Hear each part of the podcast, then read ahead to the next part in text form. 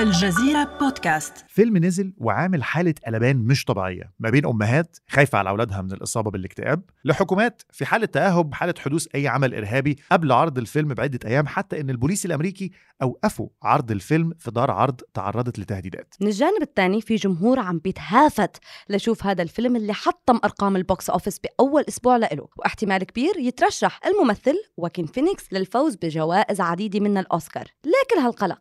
أنا نبيل نشار وأنا هبة قصوعه والنهاردة هنجيب فيلم وشخصية الجوكر من الآخر.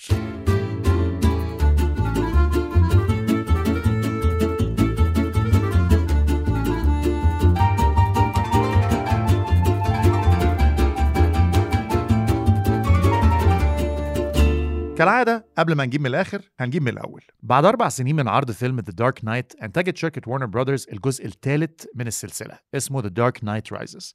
في أول يوم لعرض الفيلم 20 يوليو 2012 وفي حفلة نص الليل اتفاجئ الجمهور في إحدى السينمات في ولاية كولورادو الأمريكية بأحد المشاهدين اللي كان قاعد في الصف الأولاني بيقف على الكرسي لابس قناع وسماعات وواقي رصاص وراح رامي قنبلتين غاز وبدأ يضرب نار بشكل عشوائي في وسط حالة من الجحيم المرعب. الحصيلة 12 ضحية ماتوا بالرصاص و70 أصيبوا بإصابات خطيرة. اللي بيتذكر هاي الحادثة نبيل أو اللي سمع عنها عنده مخاوف حقيقية من فيلم الجوكر لأنه الشاب اللي نفذ هاي العملية بولاية كولورادو كان اسمه جيمس هولمز مواليد ال 87 وكان متأثر بشخصية الجوكر اللي رح نحكي عنها اليوم. طبعا جيمس شاهد وحضر فيلم Dark Knight بسنة 2008 وتأثر بشخصية الجوكر اللي قدمها هيث ليدجر.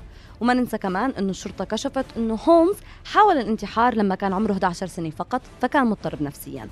لما ألقي القبض عليه قال إنه هو فعلا متأثر بالجوكر. كان صابغ شعراته لون أحمر وكان عم بقلد حركات الجوكر وحتى ابتسامته. فريق التحقيق لاقوا بشقة هذا الشاب اللي كانت ملغمة بالمتفجرات لاقوا فعلا قناع باتمان معلق. وكأنه هذا الشاب كان فعلا عم بينتظر إنه يجي باتمان وكان مصدق إنه هو الجوكر لكن يا ترى يا نبيل ليه هالشخصية هي بالتحديد اللي أثرت بجيمس؟ من وين إجت قوة الجوكر وليه هذا الفيلم بالتحديد اللي ممكن يخلي بعض الناس يلجأوا للعنف؟ بصي شخصية الجوكر دي من وحي أعداد القصص المصورة لشركة دي سي واللي من أشهرها سوبرمان وباتمان أو زي ما كانوا بيسموه وأنا صغير الرجل الوطواط.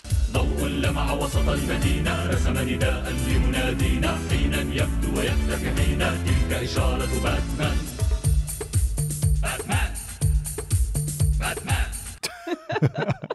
الجوكر أحد أشهر الأشرار المتكررين في سلسلة القصص دي واللي دايما بيتصدى له البطل باتمان. زي باتمان الجوكر ما عندوش قدرات خارقة. ولا أسلحة فتاكة ولا أي حاجة ينفذ بيها خططه الشريرة إلا فلسفته العدمية. الجوكر بيعتقد إن الحياة نكتة ومن كتر المصايب اللي حصلت له في حياته قرر إن هو يشوف كل الحاجات ال- البائسة اللي حصلت له على إنها حاجة مضحكة. ولذلك فهو دايما بيضحك ضحكته الشريرة المضطربة المشهورة واللي أيضا فيها شوية حزن.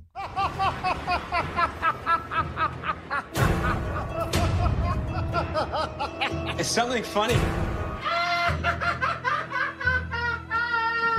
وده اللي جسده النجم واكين فينيكس ببراعة أجمع عليها معظم النقاد ورواد السينما ومحبي القصص المصورة بغض النظر عن رأيهم في الفيلم. أداء فينيكس فعلا كان مميز جدا جدا جدا.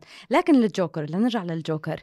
هو الشرير الذكي. المتمرد الثوري المجنون اللي عم بيقدم الشر ببعد فلسفي يمكن لهيك بيكون من أكثر الشخصيات السينمائية المحبوبة بالرغم أنه شرير منه superhero وعشان كده بعض محبي الشخصية بيعتبروا إن الجوكر هو البطل الحقيقي لفيلم The Dark Knight لأن الجوكر اللي لعب دوره هيث ليدجر بالرغم من ادعائه العكس كان هو فعليا الرجل صاحب الخطة طوال أحداث الفيلم Do I really look like a guy with a plan? You know what I am? I'm a dog chasing cars. I wouldn't know what to do with one if I caught it. You know, I just do things. The mob has plans. The cops have plans. Gordon's got plans. You know, they're schemers. Schemers trying to control their little worlds. I'm not a schemer. I try to show the schemers how pathetic their attempts to control things really are. قبل ظهوره كانت مدينة جوثم الخيالية اللي بتدور فيها أحداث الفيلم عبارة عن مستنقع من الفوضى العارمة. ولما جاء الجوكر في فترة قصيرة كان تم القضاء على الجريمة المنظمة بالكامل تقريبا ومعظم الفاسدين إما ماتوا أو في السجن. كان ده جزء من خطة الجوكر اللي بيقال إن هو لم يعترف بها بحسب بعض النظريات. دي شخصية الجوكر من القصص المصورة باختصار. لكن السؤال هنا هل الأفلام بشكل عام جوكر ولا ما جوكرش؟ ممكن تأثر على عقلية المشاهد فعلا وتخلي واحد يروح يقتل ناس؟ هي بتجوكر مش ما بتجوكرش على فكرة حادثة إطلاق النار بعد مشاهدة فيلم الجوكر ما كانت الأولى من نوعها. بسنة 1999 كان في حادثة ثاني اثنين اسمهم إريك هاريس وديلان كليبولد قاموا بإطلاق النار بطريقة جنونية بمدرسة ثانوية بولاية كولورادو الأمريكية أيضا. قتلوا 13 شخص وأصابوا 21 ثم أطلقوا النار على نفسهم.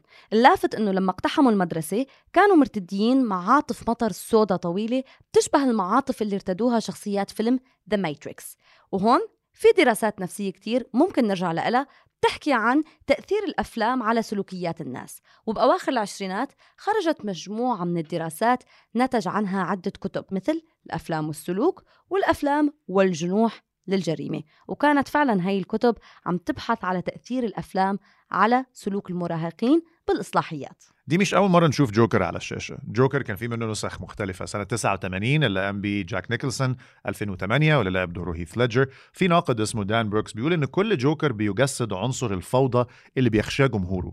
من 30 سنة في عصر الخوف من توحش إجرام المراهقين والقصر قاد جاك نيكلسون وأتباعه من سكان المدينة إلى متحف جوثام الفني وأمرهم برش الطلاء ورسم الجرافيتي على كلاسيكيات فنية. وفي آخر عام من حكم جورج بوش كان جوكر هيث ليدجر في 2008 إرهابي وبيدفع باتمان لتشييد دولة قائمة على مراقبة مواطنيها.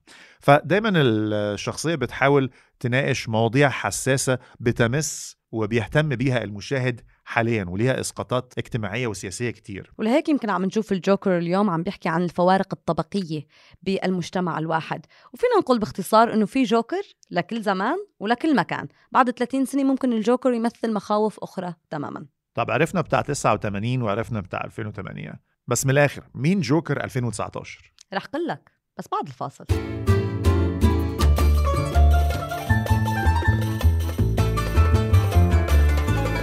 جوكر ال 2019 مختلف تماما عن جوكر ال 89 وال 2008 رغم إنه في قاسم مشترك بالشخصيات اللي شفناها قبل ال 2019 هو إنه أصول للجوكر غامضة وغير معروفة. ما حدا بيعرف من وين إجا ولا شو هي دوافعه. لهيك هذا الفيلم بسنة 2019 عم بحاول يبحث عن أصول للجوكر عن هاي الشخصية الغامضة اللي بتنشر الفوضى بمدينة غوثم لكن رغم إنه نحن عم نحاول نعرف أصول الجوكر بهذا الفيلم عم نشوف العالم من وجهة نظره هو. تود فيليبس مخرج هذا الفيلم عم بيحاول يحكي لنا ماضي للجوكر لكن بنفس الوقت عم بيقولنا إنه الجوكر مصاب بمرض عقلي بخليه يتخيل أشياء غير موجودة بتشوش على أفكاره وعلى الحقائق اللي بيعيشها لهيك حتى بعد ما نحضر الفيلم ما بنكون متأكدين أو عارفين مين هو الجوكر. الغريب في الفيلم ده إن مفيش مهمة معينة أو مغامرة تقريبا ملوش أي علاقة بالقصص المصورة أو عالم ال superheroes الأبطال الخارقين بتاع دي سي اللي بيتحارب فيه الخير والشر ابدا. صحيح ومنلاحظ إنه فيليبس قام حتى بإزالة أداة التعريف بعنوان الفيلم. يعني الفيلم اسمه جوكر بدل من The Joker. كأنه فيليبس عم بيقولنا هاي شخصية منفردة منفصلة عن الشخصية اللي أنتم بتعرفوها وشفتوها بالأفلام التانية. وعم بيأسس بهذا الفيلم لشخصية تانية مختلفة تماما. حتى أنه الناقد أحمد سامي بيقول جوكر ممكن يكون أي شخص بهذا الفيلم ممكن أي شخص بيتعرض لهي الضغوط اللي بتضلها عم تجي من مجتمع قاسي غير مهتم فيه ممكن يصير مجرم. بطل الفيلم آرثر اللي هو الاسم الحقيقي للجوكر في النهاية من الفقراء. ولذلك بتتجلى المخاوف بأن الفيلم ممكن يوجد مبررات للطبقات المهمشة في تبني العنف الثوري على كل شيء. You don't listen, do you? You just ask the same questions every week. How's your job?